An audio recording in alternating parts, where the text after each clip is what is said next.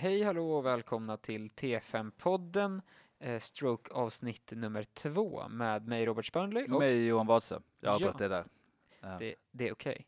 Ehm, ja, vi har ju spelat in ett avsnitt där vi går igenom stroke och TIA eh, och så delar vi upp det här för, för att det blev lite långt att ha Mm. allt i ett och samma avsnitt. Och i det här avsnittet så ska vi gå igenom eh, stroke i bakre cirkulationen och lite yrsel på akuten. Och jag la det i ett speciellt, eh, liksom en specifik separat eh, avsnitt eller del för att det det skiljer sig lite grann då Mm, från mm. eh, resterande stroke, tycker jag. Precis, alltså patofysiologin sk- skiljer sig inte åt Nej, eh, och sådär. men, Eh, men, symptomatologin Ja. framförallt. och framförallt när man ska misstänka stroke, alltså ja, och hu- hur man driver den utredningen, den skiljer sig lite Ja. vid yrsel som Precis. huvudsymptom. Sådär. Precis, och det är för yrsel är så himla vanligt. Mm, Eh, mm. Det är jättemånga som söker på akuten för yrsel. Och eh, det liksom tar sig uttryck på så många olika sätt och många som beskriver väldigt många olika typer av symptom som yrsel. Det kan vara ostadighet, det kan vara knäsvaghet, det kan vara liksom allt möjligt som, eh, som beskrivs som yrsel.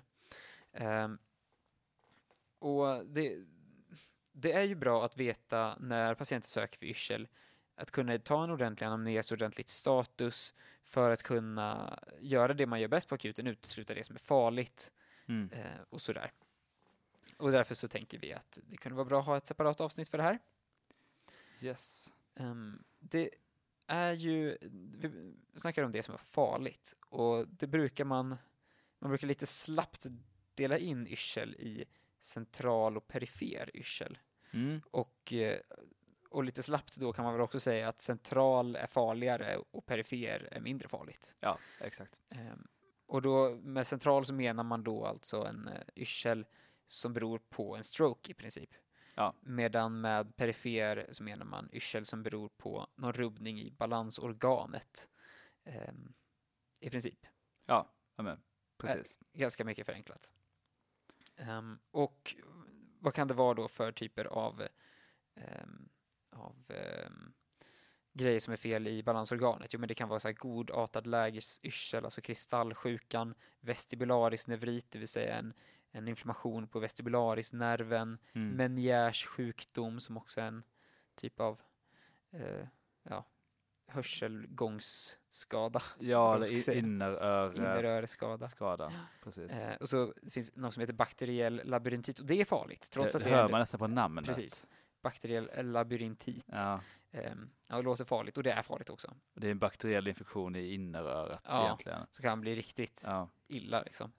Ehm, precis, Sen kan man även få herpes, eh, herpes zoster just det. eh, i innerörat liksom. Mm. Eh, heter herpes zoster, herpes zoster orticus. Mm. Eh, också farligt, Precis. förstår, det förstår man ju nästan. Mm. Sådär. Och vi vill ju ha lite struktur på det här avsnittet och då går vi efter en artikel som är från 2015 i Läkartidningen som heter Yrsel på akuten. Den är skriven av eh, Natalia Mokalina, Ardavan Korsnod, Mikael Karlberg och Erik Dryver. Eh, Och det, det är en ganska vanlig sån eh, artikel som refereras till ofta i kliniken. Mm. Eh, Jag tror kanske det vanligaste frågan en kandidat får, i alla fall i T5, är Har du läst Yrsel på akuten? Ja, precis. Den, ja, den är väldigt liksom väl läst Mm. och den är väldigt bra. Precis. Eh, men okej, så hur, hur ska vi ta oss an en patient som söker med yrsel? Eh, det första jag brukar tänka på eller liksom fråga det är be- patienten beskriva vad du menar med yrsel. precis. För det, det är väldigt avgörande. ja, Eh, eller ja, jo, men det, det, det är viktigt. Det är Mm. väldigt viktigt. Sen Mm. avgörande, jag, jag kan komma tillbaka till en, mm, eh, hur det kan vara lite förvirrande ibland. Eh, men som Robert sa tidigare så alltså folk beskriver väldigt många olika typer av upplevelser som yrsel. Det Mm. kan vara alltså ren rotatorisk yrsel, att allting snurrar, Mm. att man själv snurrar, rummet snurrar. Det brukar kallas för rotatorisk yrsel eller karusellyrsel. Mm, Eh, sen har vi den här mer ostadighetskänslan, som att saker och ting gungar. mm, det kan kallas för nautisk yrsel, som att man är på en båt. Precis. där kanske man eh, patienter kan beskriva att rummet liksom lutar eller att man känner sig ostadig. Ja. Och sen har vi den här mer, eh, det känns som att man ska svimma, det är lätt i huvudet, lite tunnelseende, ringer Mm. i öronen. Lite de här prodromalsymptom innan, innan man svimmar Ja. nästan. Så det är exakt, exakt det vad det är, det är liksom presynkope. Mm. Eh, så det, Precis. ja, Så det är väldigt viktigt att ta en noggrann anamnes här och be patienten verkligen beskriva sina symptom eh, noggrant. Liksom. Att, eh, hur känns det exakt? Hur är din upplevelse mm, av, av det här? För att få en bra uppfattning om vad det kan röra sig om för typ av yrsel. mm.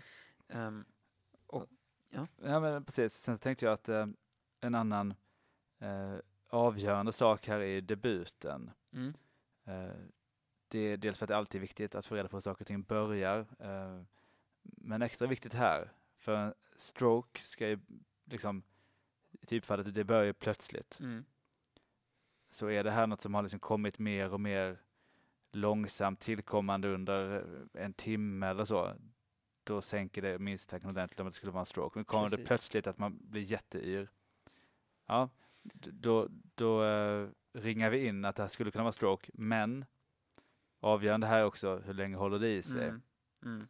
Eh, är det lite, eh, liksom, är yrseln väldigt kort, att den, den kanske kommer plötsligt men avtar inom några sekunder och sådär, då sänker det misstanken lite Mm. grann om, om stroke. Medan om den är kanske ihållande, sitter i tio minuter ja, men, och sen försvinner, då skulle man kunna tänka tia lite grann. sådär. exakt, Så exakt. liksom, durationen är också väldigt viktig att få med i det hela.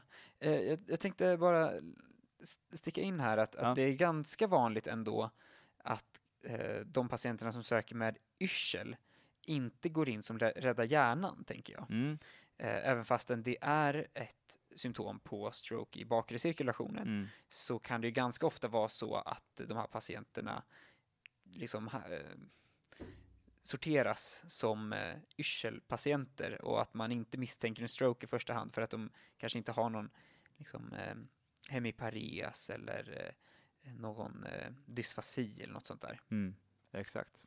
Eh, så det är rätt viktigt att ut- utreda de här noggrant. Liksom. Mm, Ehm, man, I anamnesen så är det förstås viktigt att fånga upp annat som kan orsaka yrseln. vid- Alltså tidigare sjukdomar. De kanske har migrän, de kan ha eh, Parkinson, de kan stå på en massa läkemedel som har yrsel som biverkan. Jag tror att det finns på en, nästan alla läkemedel som Ja, biverkan, att man ja. kan få yrsel av dem.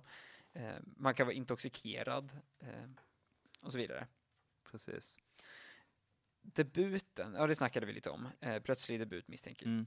ska man misstänka stroke. Ja. Och jag vill bara säga det, vi nämnde några diftdiagnoser här tidigare och om man har, har man koll på vilken typ av yrsel det är, Mm. hur den började och tidsförloppet, då kan man komma väldigt långt i, för att vi har lite, alltså de här olika diftdiagnoserna har rätt så typiska eh, karaktäristiska, Ja. kar, karaktäristika. Mm. Eh, vi kan ju börja med eh, TIA då, eller stroke. Mm. Det ska börja plötsligt och en tia, det, det håller i sig eh, ofta då kanske 10-15 minuter, något i den Mm. stilen.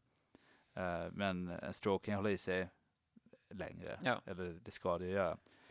Um, har vi däremot så här godat och lägesyrsel, Mm. det kommer också plötsligt. Men i samband med huvudvridningar i vissa lägen, Mm. och det klingar av efter 10-15 sekunder. Precis. Så beskriver en patient det, liksom, ja, det kommer när jag vrider huvudet, när jag lägger mig ner på den här sidan, Mm. och det går över efter, efter 15 sekunder, då är det inte stroke. Nej.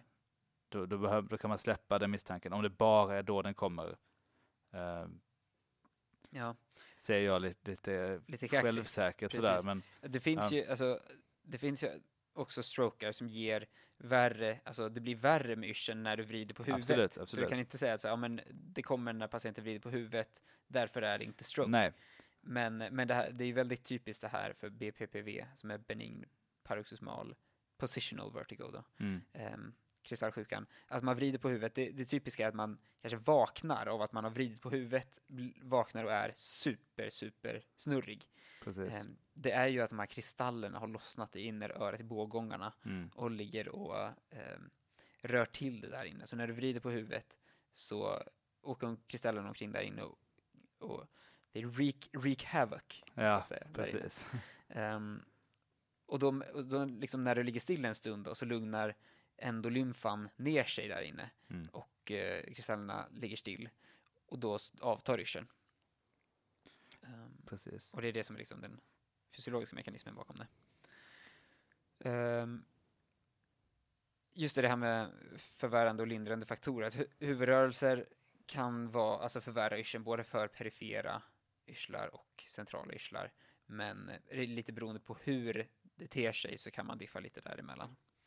Um, Exakt. Jag- vill bara pudla lite på det här som jag sa innan. eh, Eller jag kan liksom, så här, om man bara har yrsel vid specifika huvudrörelser och inga andra symptom och därmed helt besvärsfri, då så är det ytterst låg misstanke Mm. om att det skulle vara stroke. mm, Så, nu har jag uttryckt mig lite mindre svepande ja, sådär. just det, man ska Ja. aldrig säga aldrig. Och så Nej, men precis, Ja. precis. Ehm, precis. Ehm, och det var lite, lite om yrsel. Så alltså eh, debut, eh, karaktär och duration. Jätteviktigt Mm. att ta noggrann anamnes kring det. Och om det håller i sig lite längre, sådär någon timme, det börjar lite smygande, håller i sig, eh, ja men kanske till och med hållit i sig en dag när patienten kommer. Ja, Vad skulle du? jag tänker på vestibularis nevrit. Ja, Ja. exakt. Eh, precis. Och en annan grej som är vanlig här det är att de gillar att ligga på ena sidan, Mm. på, det liksom, på den sjuka sidan. Nej, friska sidan. Eh, oh. Ehm, de... ehm, mm, jo, men nej, de ligger, gillar att ligga på den friska sidan. Ehm, Mm, mm. Friska örat neråt brukar de ha. Det låter bekant. Ja. Eh, Det, det var något av dem. Det var Ja, 50 ja, procents chans att svara rätt. Ja. Ja. Nej, men det, det, det, är, det är friska sidan. Det har jag skrivit här till och med. Ehm, så är det liksom lång duration på den här yrseln. Ehm, de ligger helst på ena sidan. Ehm, då eh, talar det mer för vestibularis nevrit. Mm. Typiskt, eller det behöver inte vara att man ligger på ena sidan, men att man kanske vill ha huvudet i en speciell position också lite Mm. eh, typiskt talande för vestibularis nevrit. Precis. Ehm, och sen så är det viktigt också om, om det finns smärta med i bilden. Mm. Om det finns liksom, plötslig huvudvärk, det har vi redan sagt lite grann det här med, eh, då kan det röra sig om en hjärnblödning. Plötslig huvudvärk och yrsel Mm. ehm, kan absolut vara en hjärnblödning, en stroke, och då får man handlägga det som om det vore en, en eh, subarachnoidal blödning. Men har man lite mera så här diffus smärta i så här hals-nackregionen, ehm, då kan det röra sig om vertebralis dissektion. Mm. Ehm, det behöver inte finnas med i dissektionsfallen, den här nacksmärtan, men det stärker misstanken lite grann. Ja, framförallt om det är så här man vrider huvudet och det liksom hugger till och, Mm, och sen så kanske sprider sig huvudvärk upp mot, eh, ja, men upp mot huvudet ena sidan ja, och sen blir yr och liksom, ja men så här, de här neurologiska symptomen kommer därefter huvudvärken. Då är det verkligen varningsflaggor för, för dissektion. mm, precis.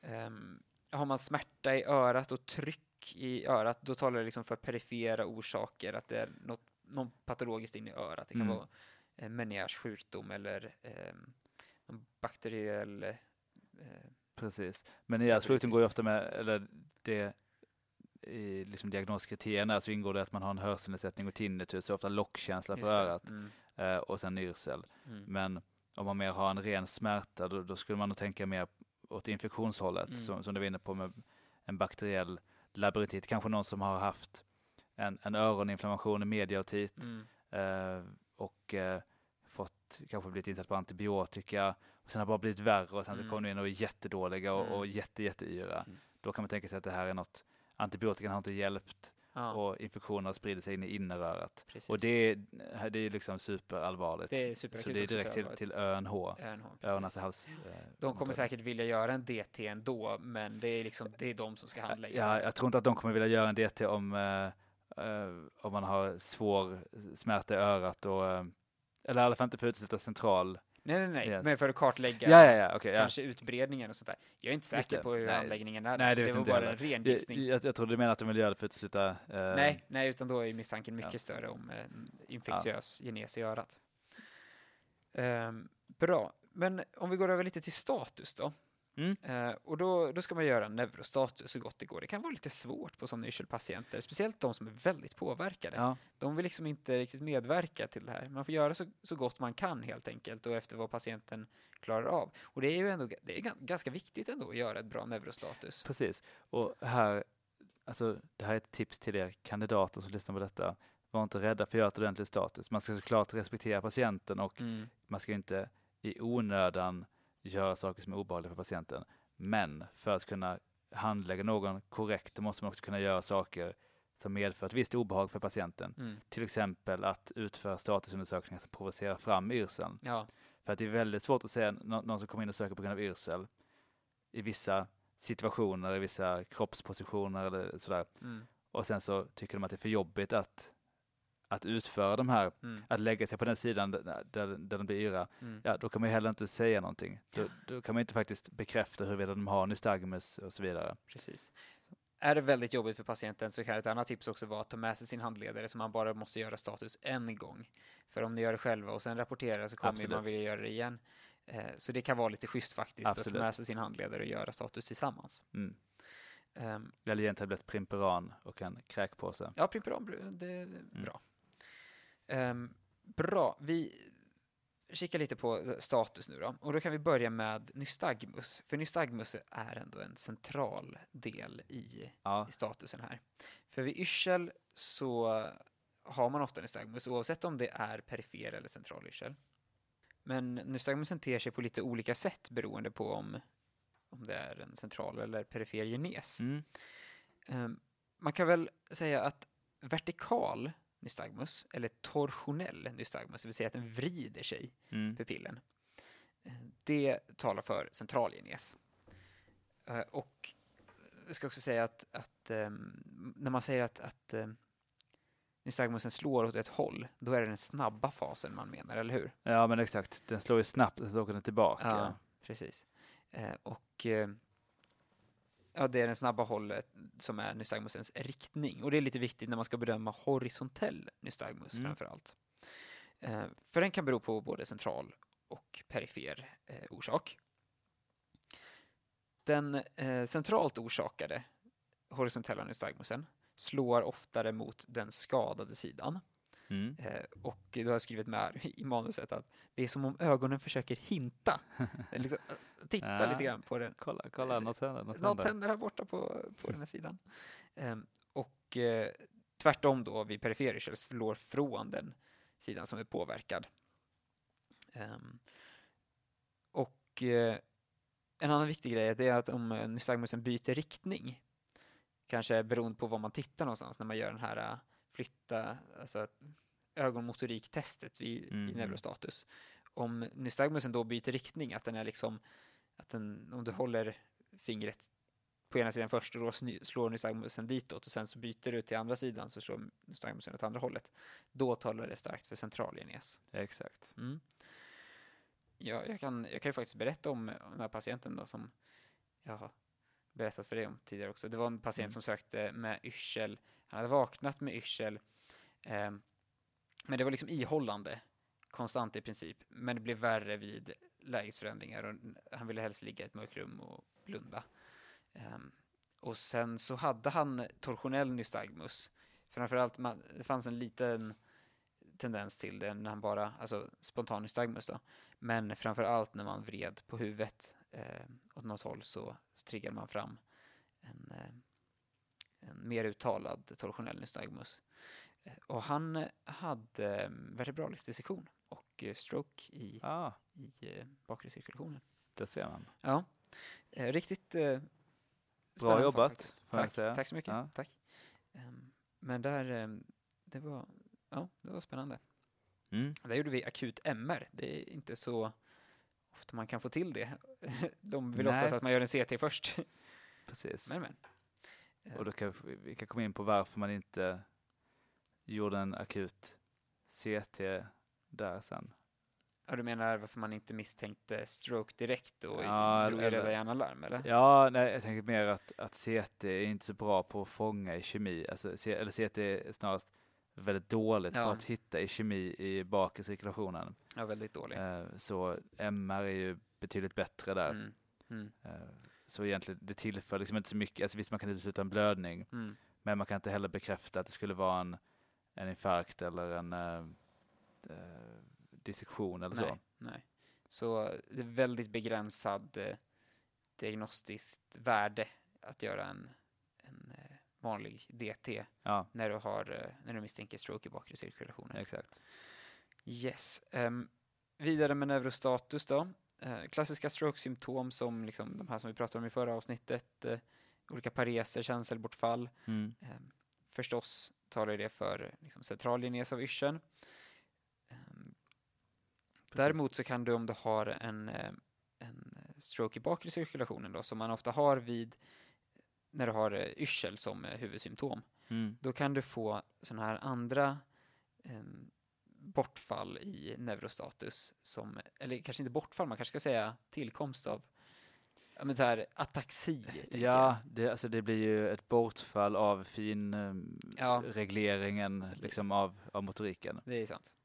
Så då är liksom vid finger, näs och häl, knä så liksom man kan inte sätta pekfingret på näsan helt enkelt och du kan inte dra ner längs benet med, med hälen utan du liksom drar fram och tillbaka och det Precis. går Det, det är både bra. en så här svängig, ryckig Ja, rörelse men ja. också då som felpek, alltså en försämrad proprioception. mm, mm. Precis, och då är det på den sidan man har ataxin då är det liksom ipsilateralt som du har skadan också, så det är på samma Exakt. sida som du har skadan. Till skillnad från pareser då som du har på den kontralaterala sidan. Precis. Yes. Ehm, vi snackade ju lite där om Wallenbergs symptom i förra eh, avsnittet, va? Mm. Gjorde vi inte det? Jo, det gjorde vi. Som det här eh, luriga eh, syndromet eh, vid, som man kan få vid vissa typer av, av eh, hjärnstamsinfarkter. Precis. Och vi kollade, vi kollade lite idag på andra typer Ja. av syndrom och det finns ju jättemånga. Väldigt många. Och så kom vi fram till att va, anledningen till att Wallenberg finns med i så mycket ut, eh, i våra kurser här i Sverige, det är nog för att det måste varit någon svensk som Ja, kom på precis. det. Så det fanns ju en uppsjö med olika syn, syndrom som du kunde få beroende på var i hjärnstammen som stroken befann sig. Ja, lite fun fact, eller det är inte, det är inte kul, men det är... Läkarkul. Det, ja, men precis. Ja. Det, det är intressant. Det vill säga, vad var det, hette Anton? ja. Antons syndrom, eh, som, som då, vad var det, en eh, alltså bilateral kortikal infarkt på något sätt som gör att man blir, man, man blir blind, Ja. men man, man inser inte att man är blind. Nej, just det. Man, Det, det låter ju väldigt just det, man, bisarrt. vad var det så, man kände sig liksom inte vid syn syndromet, eller Ja, men eh, exakt. symptomet, blindheten. Exakt. Så patienten kan inte se någonting, men Men- äh, det, det, ja, Förnekar Jag att de inte- har jag inte problem. Ja. Ja. Eh, väldigt, det måste vara superovanligt, jag har aldrig hört talas om det förut. Nej, inte jag heller. Men Eh, Wallenberg var i alla fall det där, vi kan bara repetera lite snabbt. Ehm, det var det där Horners syndrom på ena sidan och det var ptos och myos och anhidros. Ehm, och Jag extremitets... kan bara säga, alltså, det, det är alltså hängande ögonlock, Ja. liten pupill och eh, nedsatt svettning Ja, eh, och tårflöde och så. precis. Och sen ehm, ataxi på ena sidan då. Um, svalgpares, och där kommer vi till varför man ska testa svalgmotoriken i neurostatus. Eh, nedsatt känsla för smärta och temperatur i ansiktet. Och eh, på, på ena sidan då. Och sen på andra sidan nedsatt känsla för eh, eh, temperatur och smärta Ja. i, i kroppen. Så att du har det på ena sidan ansiktet och andra sidan i kroppen. Eh, och det är eh, tecken på Wallenbergs syndrom då. Mm. Det är en infarkt i laterala medulla oblongata. Mm. Precis. Eh, just det, sen så det här med facialis parese, jag vet inte om vi tog upp det sist. Jag tror vi gjorde det lite snabbt. Ja, Vi det kan- gjorde vi. Vi kan ta det lite snabbt igen, för det det är igen. intressant. Eh, och det är att en eh, facialis pares brukar delas upp i central och perifer, eh, där central facialis pares engagerar inte liksom hela man kan säga, perifer facialis pares engagerar halva ansiktet medan central är ena kvadranten kan man säga. Nedre av ena kvadranten Precis. ansiktet. Pannan har bilateral eh, Innervering. innervering, kortikal innervering liksom. Mm. Mm. Precis. Så har du en stroke i cortex, liksom uppe i, i storhjärnan, då eh, får du en central eh, facialis pares. Har du en perifert orsakad facialis pares så blir det ju perifer då, alltså till exempel påverkan på nerven. Men man kan få perifer facialis pares av en stroke ifall du får en stroke i, i hjärnstammen som engagerar själva kärnan, Ja, facialis-kärnan. Och det är framförallt i pica och aica då, som är posterior och anterior eh, inferior cerebellar artery. Ja, exakt. Mm. Bra.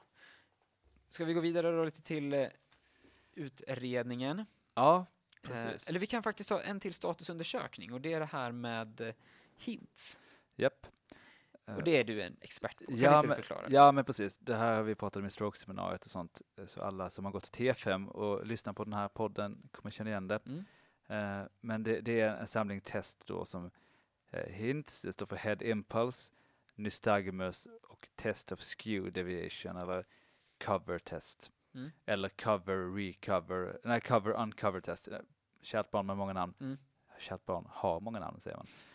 Eh, och de här testen då eh, kan användas för att, för att särskilja central och perifer genes. Head Impulse Test, det är att man ber patienten fixera blicken på ens näsa, Mm. eller fästa blicken någonstans rakt fram liksom. Yeah. Medan man håller patientens huvud, nu visar jag med händerna här för att liksom kunna beskriva det. Man håller patientens huvud i sina händer och så ber man att slappna av och så rör man huvudet lite så här fram och tillbaka och sen så flyttar man det snabbt åt sidan. Mm. Och man ska göra det liksom oberäkneligt så att patienten inte riktigt hänger med. Mm. Eh, Både flytta det och kanske när man har det i vridet flytta tillbaka det. Och då ser man om ögonen är fixerade hela, alltså rakt fram hela tiden, som de ska göra om man har en bevarad vestibulokulär reflex. Mm. Eller om man får en sån här inställningsrörelse. Man vrider huvudet och hoppar ögonen tillbaka. Gör de det, då talar det för vestibularisneurit främst, eller någon form av perifer påverkan. Ja. Men det är ett klassiskt fynd vid vestibularisneurit. Eh, och då har man alltså, alltså vestibularisnerven är påverkad så den här reflexen funkar inte som den ska. Mm. Och sen nystagmus, då, eh, som Robert sa då, så man kan ha nystagmus, nystagmus vid både perifer och central eh, yrsel, men det är liksom vilken typ av nystagmus det är som påverkar. Och då är det speciellt då eh, om den är vertikal eller att den snabba fasen alternerar eller att det är en torsionell nystagmus. Mm. Och det här är ju framförallt eh, spontan nystagmus, alltså nystagmus som uppträder även utan att man provocerar fram den. Mm. Sen så förvärras den ju ofta då av att man eh, ändrar blickriktning och så vidare. Mm. Mm. Eh, och eh, precis, men eh, vertikal, torsionell eller läges eh, eller riktningsändrande. Mm. Eh, och sen då test of skew eller cover test eller cover uncover test. Det är att man håller för ett öga i taget alternerande och också ber patienten fixera blicken på hans näsa till exempel. Och då när man flyttar ögonen fram, eller handen fram och tillbaka framför ögonen, om det här testet är positivt, då får man liksom när man flyttar bort handen en vertikal inställningsrörelse. Mm. Så att ögat medan man har hållit över det har skelat upp, det har liksom eh, vad ska man säga, glidit ur axel. Mm. Liksom. Eh, och sen så måste det hoppa ner igen. Just det. Men eh, visst är det så att man ska hålla för ögat några sekunder och sen byta över? Det är inte att man bara liksom täcker över snabbt sådär? Utan man Nej, måste utan liksom man tänker över, jag har sett lite olika varianter här. Ja. Eh, antingen att man håller över lite längre liksom Mm. och kollar, men eller då att man, som är med det här cover uncover test, Mm. att man, alltså någon sekund, en sekund på varje. Okej. Och då, då kan man se då att liksom ögat hela tiden flyttar ner sig. Ja. Det ska ju sägas att de här testerna, de är väldigt, väldigt känsliga och alltså, har både hög sensitivitet och specificitet Mm. för stroke i bakre cirkulationen Mm. eller central genes. Men det är om det är utfört av eh, ordentligt tränade Ja. eh, och det är väl alltså de som har utvecklat det här, eller det är liksom neuro eh, oftalmologer, eller jag vet inte riktigt, Ja.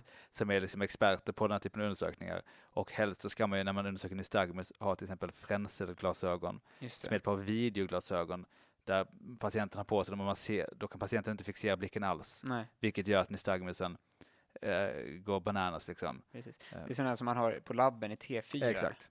Eh, så att, jag menar, visst, de, här testerna är bra, men det kräver ju också att man eh, är väldigt tränad Ja, för att kunna tolka dem korrekt. precis. Och jag kan inte i ärlighetens namn säga att jag är liksom en expert på alla de här testerna. Sen så, sen så tycker jag man ska använda dem. Mm. Eh, men man kanske ska diskutera det här med en, en kollega. Man ska inte vara, alltså eh, som läkarstudent gör man ju alltid det. Ja. Men även, även jag gör det. Jag gör testerna, sen diskuterar jag med en neurolog. Jag gjorde de här testerna och jag, jag tycker att det här var positivt. Ja. Men jag är inte helt hundra, jag vill Nej. också göra undersökningen. Och så kan man få det bekräftat eller avfärdat. Precis. Mm. Och, Mm. men om de utförs korrekt så har de ju högre sensitivitet och specificitet än DT. Exakt. Så det, Vilket ju är, alltså DT har ju typ noll. ja, så att, eh, ja. Men, men det, har, det har väldigt hög. Ja. eh, ja. Det är väldigt bra. Eh, Så det är bra att känna till det Mm. och känna till hur det utförs och vad som talar för vad. Och då får jag bara repetera här. Det är alltså om det som talar för en centralgenes, om vi säger, det är ett negativt impulstest, det vill säga att det Japp. inte finns någon inställningsrörelse när man utför det här impulstestet. Ett, du har en nystagmus som antingen är eh, riktningsväxlande, torsionell eller vertikal och att du har ett eh, cover test som är positivt. Det vill säga att det finns en inställningsrörelse när du varierar täcka över ena ögat och andra ögat. Mm. Och den ska vara vertikal också. Exakt. Precis, bra. Eh, Och det finns ju minnesramsa där som är infarct. IN, impulses negativ, FA, fast eh, face alternating, alltså snabba nystagmusfas byter riktning. Eh, Och sen RCT, refixation on cover test. Mm, Infarct. precis. Jag vet inte vad jag tycker om den minnesregeln. Jag tyckte den är lite Den är halvdan. krångligare att komma ihåg. Ja, jo. ja. Det finns minnesregler för allting i Jajamän, medicin. jajamän, Vissa bättre, vissa sämre. Eh, Det finns även andra tester här som man Ja. kan göra. precis. Och ett bra test att känna till på akuten är Dix-Hallpikes test Mm, mm, som då används för att eh, diagnostisera godartad lägesyrsel. mm. Sägas också att den eh, bör utföras med fränselglasögon egentligen. Japp. På akuten i Uppsala så har vi inga Nej, fränselglasögon. och det är lite har man på många andra ja, akutmottagningar. men en inte begränsning så. Men, Absolut. men samtidigt så kan man, jag har gjort det ett antal gånger med. och fått klart positiva Ja, resultat. Ja, Eh, det går till så här att man, eh, alltså, eller vi, vi backar lite, man får godartad lägesyrsel av att otoliter eh, lossnar i båggångarna mm. och när man då rör huvudet i vissa riktningar, för de här båggångarna är ju liksom riktade i vissa eh, I tre plan. i tre plan, precis. Så när man rör båggången, eller huvudet i ett visst plan så kan den här otoliten liksom glida med endolymfan och trigga Mm. eh, en kraftig eh, liksom, rörelseupplevelse. Mm. Och det är just de, de bakre båggångarna, väl? Tror det. Ja, det blir osäker direkt när jag sa det, men jag tror att det är de bakre båggångarna som man testar då med eh, eh. Dix Hallpikes. Så man ber patienten sätta sig på britsen, Mm. vrida huvudet 45 grader åt sidan och eh, lite bakåt. Eh, och sen så lägger man den ner snabbt med huvudet i den positionen. Precis. Gärna att huvudet får ligga utanför britsen. Exakt, hänga ner lite. Mm. Man vill ha det åt sidan och liksom hänga ner bakåt. Mm. Sen så ber man dem ligga kvar där. De ska lägga sig ner snabbt och ligga kvar med huvudet. Och då inom några sekunder, ett antal sekunder, Mm. så, så ska de bli väldigt yra om det är positivt. Och få en nystagmus. Precis. Ja, Som gärna ska slå neråt. ja precis. Ja. Det, det, det ska slå neråt. Ja. Eh, och de blir jätteyra. Så Mm, här får man precis. vara beredd med en, en, eh, en kräkpåse eller någonting. Och man ska säga innan att den här, om det här testet är positivt så kommer det bli jätteyr, Mm. men det kommer gå över. Så Mm. bara ligg kvar. Mm. Och det är också väldigt bra att säga åt patienten att spärra upp ögonen. För Ja. de vill ju gärna blunda liksom. Och de, om man bara tittar och när man står så där och ska försöka stirra in i deras ögon, det är ganska svårt. Japp. Så säg åt patienten att verkligen spärra upp ögonen. Mm. Eh, så gör man det här testet då, då, kan, då gör man åt båda sidorna. Och då bör man, om vi har en klar misstanke om, om eh, godartad lägesyrsel, då kan man liksom diagnostisera det Mm. med detta. Mm. Eh, om det däremot är så att de blir yra lite vad de än gör och får nystagmus och slår lite hit och dit, eh, men att det blir extra jobbigt när de lägger sig ner, ja men då, då kan vi inte säga att det är. Precis. Men om det är liksom bara när de gör, när de lägger sig ner med huvudet vridet åt vänster Mm. eh, och det klingar av efter 15 sekunder, då är det godartad lägesyrsel. Mm. Och det kan man behandla själv faktiskt med liknande, det finns något som heter Eplis manöver som är en fortsättning av Dixalpax. Mm. Eh, vi ska inte gå igenom hur man gör det, men det kan man googla. Och Precis. patienter kan behandla sig själv med det här. Det är ganska roligt för det, det syftar ju till att liksom få ut de här otoliterna ur bågångarna så de lägger sig på ett ställe där de inte orsakar någon, Ja, någon, några symptom. precis. Eh, yes, Ja, eh, har man symptom från öronen så är det ju självklart bra att titta in i hörselgångarna. mm. Eh, det kan vara så att man ser en trumhinna där som är röd och buktande och ser ut som att det finns något som trycker på inifrån. Mm. Och då kan det röra sig om en bakteriell infektion. Eh, man kan se att det finns blåsor i hörselgången och det kan tala för något som heter Ramsay-Hunts sjukdom. Mm. Eh, och det är alltså med typ bältros i örongången. Mm. Och, och då kan man liksom, det kan ju stärka din diagnos om att det skulle vara en, en otogen yrsel, liksom en, Ja, en eh, perifer. perifer yrsel. Mm. Ehm, Och eh, öron, näsa, halsläkarna är ju ens vänner när det gäller yrsel. Eh, det är de eller neurologen man bör ringa, men har Mm. man eh, har man väldigt låg misstanke om att det skulle vara en central eh, centralt orsakad yrsel, men man är liksom lite så här osäker, ja men är det, kan det vara vestibuläris neurit, kan det vara meniärs? Då är det jättebra att ringa öron, näsa, hals. ja, Så kan man absolut. kanske skicka över patienten dit. precis. Och de har ju alla en massa bra utredningsredskap och sånt där för att Exakt. utreda ordentligt. Eh, ja, men har man en stroke-misstanke då, om du, om du mot förmodan skulle träffa en yrselpatient på akuten, det är mindre än fyra och en halv timme sedan insjuknande och du starkt misstänker en eh, central genes, du misstänker att det är en stroke i bakre cirkulationen, ja då får man dra ett rädda hjärnan-larm helt enkelt och, och liksom försöka få upp den här patienten på trombolys, för då kan den ju ha nytta av det Mm. eller trombektomi för den delen. Men oftast så är det ju inte på det sättet, utan det är Nej. patienter som har legat på akuten länge och väntat och man träffar dem efter ja, alldeles för lång tid eh, och försöker handlägga dem då. Och, eh, och då brukar det här fönstret, om man kan göra någonting em, akut, liksom vara Mm. eh, förbi.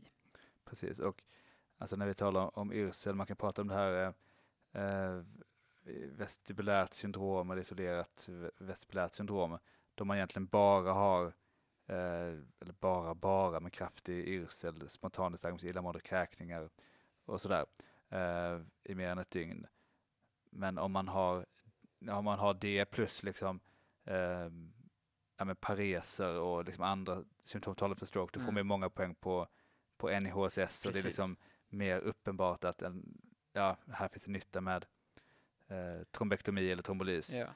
Eh, Och det är ofta, oftare som det upptäcks redan prehospitalt och att, eh, att patienten har sådana symptom och då kanske kommer direkt till trombolys. ehm, eller liksom kommer direkt in som ett rädda hjärnan-larm. Men alltså, det händer ju ändå att eh, de säga, slinker igenom nätet och kommer in. Som den här Mm. patienten som jag träffade som hade vertebralisk dissektion och hade en stroke som orsakade yrsel som huvudsymptom liksom, och inte hade så mycket annat avvikande neurologiskt egentligen. mm, Det var den här diskreta torsionella nystagmusen då, som, som man kunde se om man tittade riktigt noggrant. Men, men eh, det händer att de liksom slinker igenom näten och då, då, då står man där. Mm. Ja. Ehm, det var väl kanske allt vi tänkte säga i det här avsnittet om, eh, om eh, yrsel på akuten och eh, stroke i bakre cirkulationen.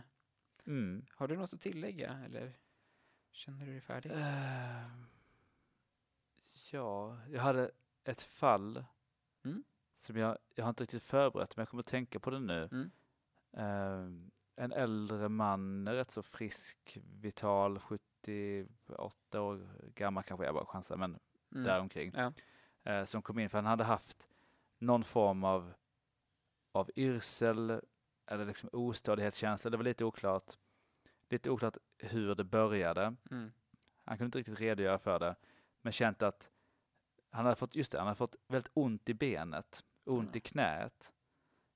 Och sen samtidigt känt sig ostadig och liksom som att det drog lite åt sidan, Mm. åt höger kanske det var. Eh, det var liksom lite svårfångad anamnes Mm.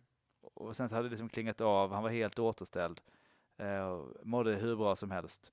Eh, jag pratade med en neurologjour som sa att nej men eh, du kan släppa misstanken om, om, om TIA i Mm. det här fallet. Mm. Eh, för han, hade, han, han beskrev att han hade haft, att det drog lite åt, åt sidan även tidigare. Mm. Tänkte att det, det kanske skulle kunna vara så här kroniska subduralhematom eller någonting så, eh, sådär. Eh, vi gjorde en CT i hjärnan fast det såg helt bra ut och han fick komma hem. Eh, och sen så såg man däremot på slutsvaret att han faktiskt hade en, en färsk infarkt i lillhjärnan. På CTn? Ja, på CTn. Oj. Eh, så fick han komma tillbaka. Han hade neurostatus var helt, helt utan anmärkning. Helt normalt. Ja. Eh, även dagen efter när han kom tillbaka då, blev inlagd på strokeavdelningen. Alltså NIS 0, inga neurologiska bortfall, Mm. men radiologiskt en färsk infarkt i lillhjärnan. Skumt. Ingen ataxi, ingenting. Eh, man hittade liksom ingen orsak till, eh, alltså han hade inget förmaksflimmer, inget sånt. Nej, Eh, och eh, egentligen inga riskfaktorer heller. nej. Sattes in på trombyl och fick gå hem dagen efter. Sjukt. Det var väldigt för här säger du emot dig själv lite grann. Ja. Vi sa ju att eh, DT gärna inte visade Nej. stroke i bakre cirkulationen, men det kan göra det ibland. Ja, men precis. Och då hade det ju gått... För det var väl också så att han, han kom in ja, rätt lång tid efter det här Mm, hade hänt. mm. Eh, det var väl kanske hänt på förmiddagen och han kom in på kvällen Ja. någon gång. Så det hade kanske gått sådär 8-10 timmar. Mm. Och alltså man kan ju absolut se eh, i kemi, men, men ofta inte så färsk. Alltså det, och det gäller ju generellt Ja. eh, liksom, vid det kemi, att det, det ser man inte så bra. Men eh, eh, det kan vara ännu mer svårvisualiserat i, i bakre skallgropen eftersom det är inte så mycket hjärna och rätt mycket ben. Ja. Men nej, det, det var ett fall som, som eh, fick mig att bli, ja, bli lite Ja. förbryllad. ja, det låter lite förbryllande.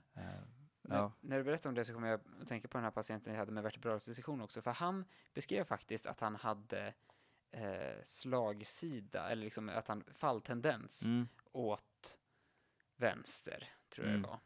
Och det satt också på vänster sida. mm, Ehm, sådär. Så liksom Romberg var som positivt åt vänster. mm, Ehm, och, eh, och han var liksom så ostadig att eh, han hade fått den här yrseln och sen så kunde han inte eh, gå liksom ut till ambulansen utan fick krypa till ambulansen och Ja. kräktes flera gånger i Ja. hemmet. Det kan också vara ganska talande för en ganska allvarlig det, ja men precis. Men jag kommer ihåg jag pratade med bakjouren om det här och det var en ganska ung patient. Och bakjouren var så här, ja fast alltså yrsel hos en så ung patient, det låter ju, det är ju väldigt sällan det skulle vara något, någon stroke liksom. Det är ju så ovanligt hos unga patienter. Så det är nog, det är nog eh, någonting annat liksom. Ehm, och, och det är ju väldigt olika där också hur olika patienter beskriver de här symptomen. Hur liksom, hur de, eh, ja men, hur vissa beskriver eh, saker som väldigt, väldigt eh, dramatiska medan andra kanske verk, verkligen drar tillbaks på drama, dramatiken och Ja. lite mer så här, ja men att, eh, nej det, det är nog ingenting sådär. Ehm, att man får, får liksom verkligen jaga reda på exakt hur det varit. För vissa kanske vill eh, inte vara till besvär och sådär och säga nej men det, jag var lite yr. Och sen så får man kanske på vissa fall säga, ja men hur yr var du? Kunde det gå? Så bara, nej men jag, jag kröp till ambulansen. Till Ja. exempel om, om det skulle varit precis. så. Ehm, så får man vara noggrann med det. Ja, men eh, vi kanske ska dra ett streck där och vara klara med avsnittet. Ja. säger du? Mm. Kan, ska vi bara repetera så här viktiga saker att fråga när någon är yr? Det blir På det. vilket sätt är du yr? Vad menar du med yr? Mm. Eh, då kan man fråga, är det som att du är på en karusell eller att eh, du är på en båt? Mm. Eller att rummet lutar, alltså något i den stilen. Eller, Eh. eller att du det susar i öron, öronen och svartnar framför ögonen. Du blir lite illamående och sådär. Precis. Ja. Så, det, så det, det är en väldigt bra första fråga, liksom, eh, utgångsfråga. Sen hur började det? Började det plötsligt, pang, eller har det varit tilltagande under en längre tid? Mm. Viktig fråga. Hur länge har det hållit i sig? Kommer det går? Och vad är det som provocerar det?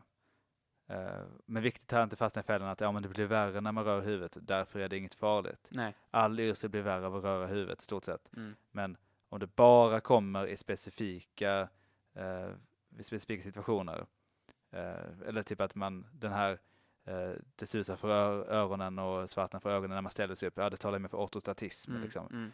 Ehm, men eh, situation som, som utlöser det är en viktig fråga också. Eh, ja, Mm. Och sen såklart riskfaktorer, övriga sjukdomar så, som Ja, kan hjälpa en att ja. liksom det blir alltid en sannolikhetsbedömning om man misstänker att det skulle vara en, eh, en 10 eller så. Precis. Ja. Bra. Men då så. Då säger vi så, Yes. Eh, skicka gärna in förslag och synpunkter eller feedback till oss på t5podden gmail.com och det är t5podden i ett ord. Ehm, och eh, vi hoppas att ni har eh, tyckt det var ett bra avsnitt och det känns kul också att vi gjorde det lite på, på efter att ni skickat in en önskan om att få höra ett stroke-avsnitt så det känns kul att vi kunnat Ja. göra det också. Eh, bra, men vi tackar så mycket för oss. Robert Spörnli heter jag. Johan, vad heter jag? Och jag vill bara säga en sak Ja, innan du stänger ja, av. ja. Eh, ni får gärna skicka in specifika frågor också. ja, absolut.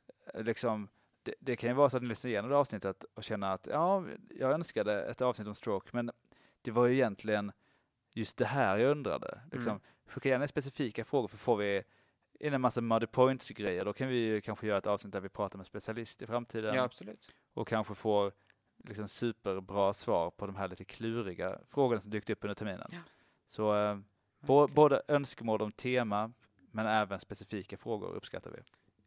Absolut. Men vi säger... Så, nu, nu får ni gå. Nu säger jag... Får det gå. Ja, ni, eller nu får ni Fri lek. fri hopp och lek, Ja. eller vad man säger. Ja. Tack så mycket för oss. Eh, ha det så bra. Vi ses. Hej då. Hej då.